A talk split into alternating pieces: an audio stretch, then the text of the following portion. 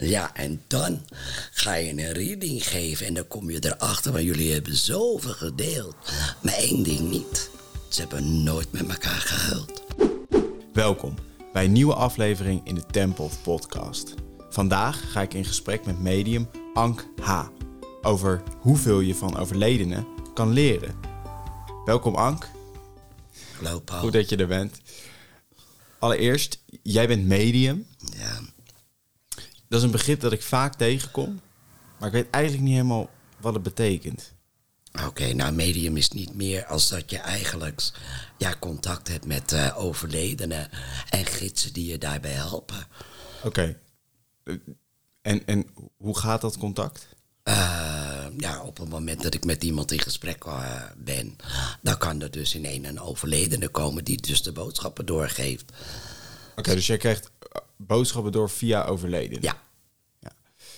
Ja. En hoe krijg je die dan door? Eh, door ze te zien, te horen, te voelen, te ruiken. Zo heb ik contact met ze. Ja, En wanneer, of, of wanneer hebben die, die overledenen voor het eerst met jou contact gezocht? Wanneer hebben ze contact gezocht? Ja, al heel snel eigenlijk, meteen. Dan ben ik toch benieuwd als jij, als jij dus blijkbaar boodschappen doorkrijgt, jij, jij hoort, ziet dingen van overledenen. Ja. Waarom kan jij dat nu wel zien en ik niet? Ja, dat heeft te maken met, ja, voor de een ontwikkelt het zich. Kijk, iedereen heeft het, zo is het. Ja. Iedereen heeft wel een bepaald intuïtief gevoel.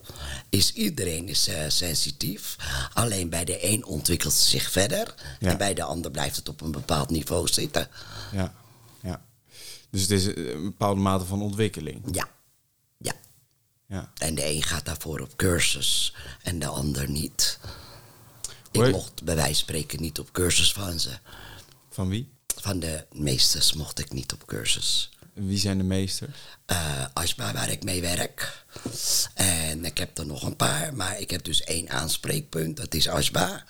En die bepaalt het. En, en Ashpa geeft jou de... Ik noem hem mijn poortwachter. Oké, dus die geeft jou de berichten die je krijgt van overledenen. Hij bepaalt welke berichten jij krijgt. Ja, hij bepaalt eigenlijk wie er door mag komen, ja of nee. En hoeveel meesters zijn er? Eh, ik heb er verschillende. Eh, ik begin maar met vijf. maar doordat ik zoveel verschillende heb, heb ik meteen gezegd van... Oké, dit, oké, dit werkt niet voor mij. Dus ik wil één aanspreekpunt. En dat is dus Aspa. Ja. Jij zegt het is dat, dat eh, medium zijn of, of die sensitiviteit voor berichten van overledenen. Jij zegt het is iets dat je ontwikkelt. Hoe is die ontwikkeling bij jou gestart? Eh, nou, sowieso door Bassie en Adriaan. Door Bassie en Adriaan. Ja. Doordat mijn dochtertje die zat te kijken naar eh Bassie en Adriaan. En Bas zegt in ene van, ik ga eens aan de binnenkant van mijn ogen kijken. En toen had ik zoiets van, ja, wat ziet hij dan? En toen deed ik dat dus ook. En toen zag ik in ene allemaal kleuren. Oké, dus, dus jij was Bassie en Adriaan aan het kijken. En Bassie zegt, eh, nou, ik doe mijn ogen even dicht. Ik ga aan de binnenkant van mijn ogen kijken. Jij Ja. dacht, doe dat ook eens een keer. Ja. En toen zag je allemaal kleuren. Ja. En toen? En toen had ik zoiets van, jee, wat is dit? Dus nou ja, dan ga je verder praten. Of met mensen praten. En toen kwam ik bij een homeopaat, homeopaat paragnost, omdat ik een darmziekte heb. Ja. En die zei dus dat ik heel paranormaal was. Waar ik echt niks van wilde weten. Hoezo niet?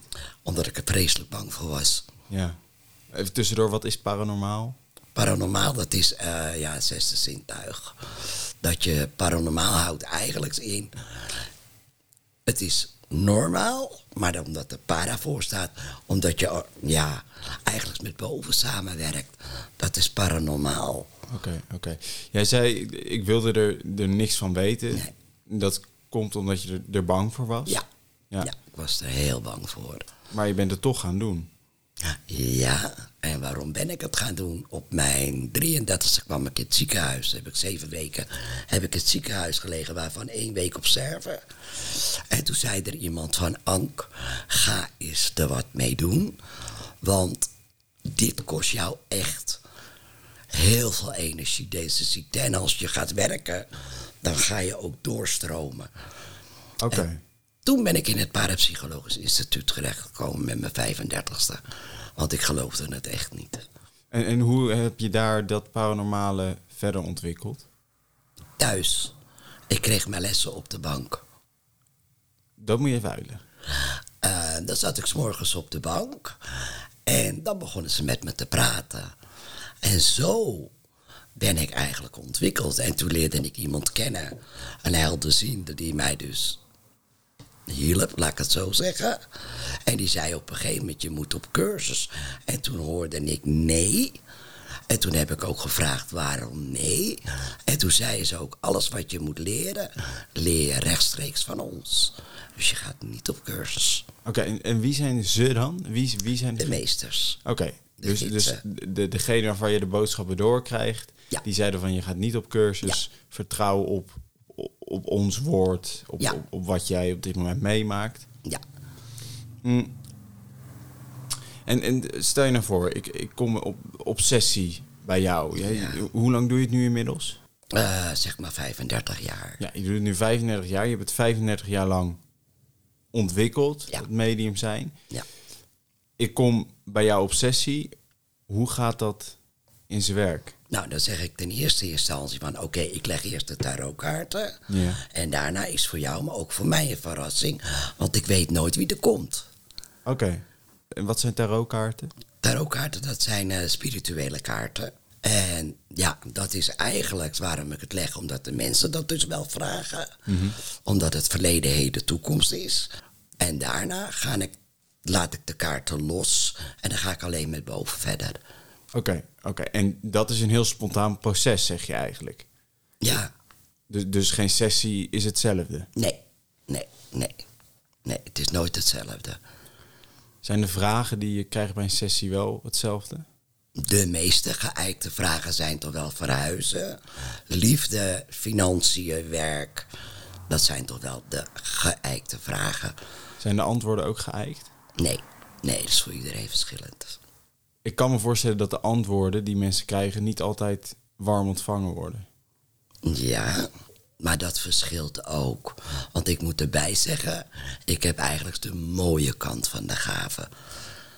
Vind ik. Op welke manier? Uh, ik ken natuurlijk ook wel mediums die alleen maar ja, de dood bij iemand zien of wat dan ook. En dat, nee, ik zie eigenlijk de mooie dingen. Dus jij krijgt veel mooie boodschappen door via overledenen die je tijdens een sessie ja. aan iemand kan laten weten.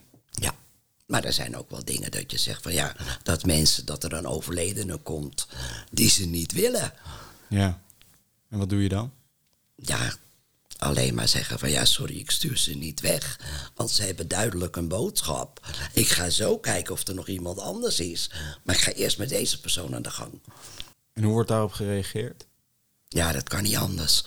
Maar ik heb wel meegemaakt dat er eentje helemaal uit de dak ging omdat de moeder kwam, wat zij dus niet wilde. Nee, wil je eens beschrijven hoe dat ging? Uh, nou, ik ben met een uh, consult bezig of een reading, het is me net hoe je het noemen wil. En op een gegeven moment zeg ik tegen de, ja, je moeder is hier en ik beschrijf die vrouw. En ja, de consultant gaat helemaal uit de dak, stuur de weg en ik wil niet dat ze komt. En ja, op een gegeven moment ben ik heel boos geworden van, ja, maar dat bepaal jij niet. Nee. Ik ga eerst zeggen wat, wat de boodschap is en doe ermee wat je wil. Wat is er zo leuk aan jouw werk? Ja, ik vind het geweldig, omdat je mensen toch uh, advies kan geven, raad. Mensen bepalen uiteindelijk wat ze er zelf, wat ze ermee willen doen. Ja. Maar ik vind het wel ja, geweldig dat ik mensen een leidraad mag geven. Is er een advies dat jij nog wil meegeven vanuit jouw 35 jaar ervaring aan de luisteraar? Ja.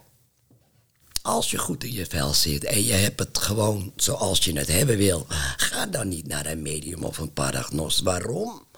Je loopt altijd het risico dat je wat hoort wat je niet leuk vindt.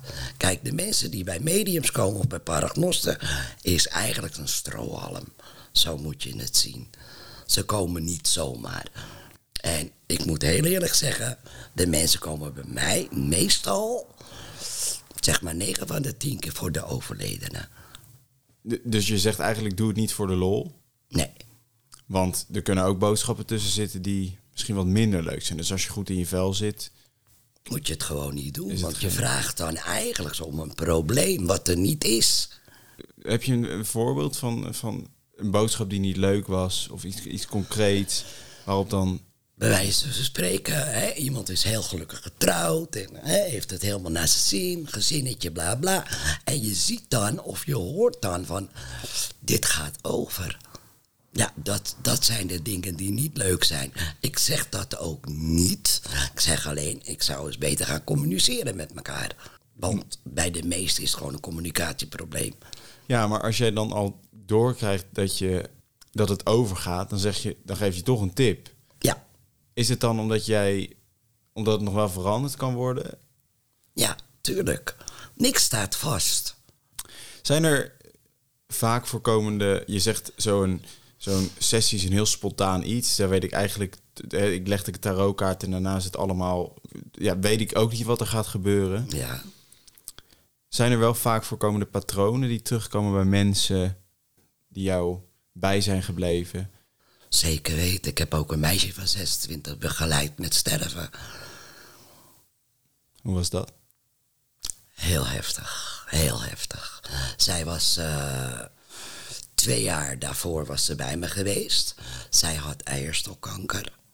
En zij vroeg of ze met haar zusje naar Australië kon. Of ze die reis af kon maken. Dus ik, heb, ik kreeg de boodschap van ja, ga maar. Twee jaar later word ik gebeld door haar vriendinnetje. Van Ann, kan jij komen? Want het gaat heel slecht met haar. En ze kan niet naar jou toe komen. En ik had echt zoiets van, ja, wat moet ik daar doen? Toen was ze al weg uit Australië of toen zat ze daar nog? Nee, ze was thuis. Oké. En ja, toen op een gegeven moment heb ik gezegd van oké, ik kom wel. Met de, echt met van, wat moet ik te doen? Dat meisje gaat dood. Eh, moet ik er de toekomst gaan voorspellen? Dat slaat natuurlijk helemaal nergens op. Toen heb ik een vriendin meegenomen en ik kom daar binnen. En zij lag dus helemaal onder toeters en bellen. Dus op een gegeven moment, ik zeg tegen het meisje van, moet je luisteren. De kaart leggen doe ik niet, want dat heeft helemaal geen zin. Nee. Toen ben ik op haar bed gaan zitten. En toen heb ik haar hand gepakt. Ja, dat was een geweldige ervaring. Waarom? Ik zie haar vader die overleden is. En er was een meisje van 13 die ook overleden was. Maar dat meisje van 13 kon ik, want dat was een vriendinnetje van een kleindochter van een vriendin van mij. Dus ik vraag ook aan dat meisje van... God, wat doe jij? Ik ga die naam niet noemen, maar... Wat doe jij met haar? Wat heeft zij met jou? En ze zei, dat was mijn oppaskindje. En ik voelde dus ook echt dat ik op het bed dat ik zo door de helft ging. Dat ik haar hand vast had. Dat de vader, de oma en dat meisje er stond. Dat was geweldig. Ja. En zij zei ook, dat meisje wat dan dood zou gaan... die zei ook tegen me, ja, ik heb nog voor zes weken vocht in mijn lijf. En ze was aan het drinken en ze had hier een slang... en je zag dat er zo weer weglopen.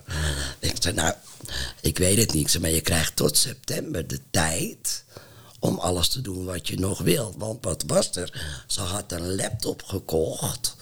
En daar wilden ze dus voor de komende tijd, mensen die jarig waren, wilden ze daar dus een boodschap in zetten. Zei ze, wat moet ik dan zeggen? En dan zei je gewoon van die, die uit het hiernamaals. Oké, dus, dus jij hebt er eigenlijk geadviseerd om vanuit overledenen die boodschappen te geven. Ja, Heb ik het dan goed? ja, Oké. Heeft zij meer rust gevonden door jou? Ja, ik heb ook alles bewaard, want ik kreeg na 14 dagen kreeg ik een hele grote kaart van haar met een boeddha, met een boodschap. Hoe blij ze was dat ik geweest was. Ja. En het leuke was, toen ze overleed, dat, dat zal ik nooit vergeten. Toen ben ik naar de crematie gegaan. En ik sta met, die, met een vriendin staan ik buiten. En heel dom van mij. Want ik zeg in ene, jee, wat een hoop jonge mensen. Dus die vriendin van mij, die kijkt maar, ja, dat is logisch. En ik kijk, zegt ze, wat zie je? Daar staat ze met de vader. En toen zag ik haar dus met haar vader. En het mooie was, op een gegeven moment, ik zat te kijken. En ik zeg tegen die vriend, ze gaat weg. Want ze werd emotioneel. En de vader nam er dus mee van, het is nu genoeg. En dat, dat zijn de mooie dingen. En dat is ook waarom ik het doe. Kijk, het kaartleggen, het paranormale, geweldig.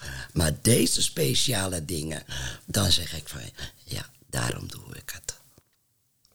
Wat is dan dat er zoveel rust geeft, denk je, bij zo'n meisje? Is het dat ze weet dat er dat de vader op de wacht, de oma. Ik heb natuurlijk het mazzel dat ik ze ook kan beschrijven. Dus ze wist ook, dat is echt mijn vader. Dat is ook echt mijn oma. En dat meisje, ik wil geen namen noemen. Ja. Ja, dat was echt heel wauw. En zo zijn er wel meer dingen dat ik zeg van ja.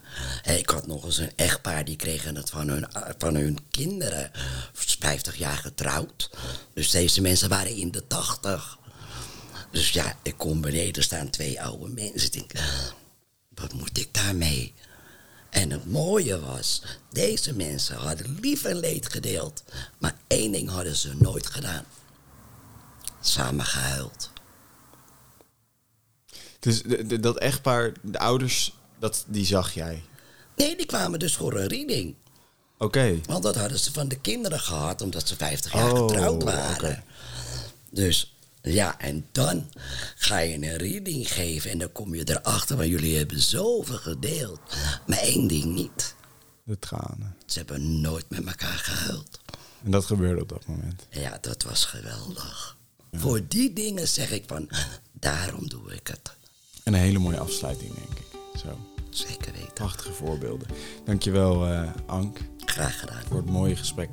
En natuurlijk bedankt voor het luisteren. Tot de volgende keer.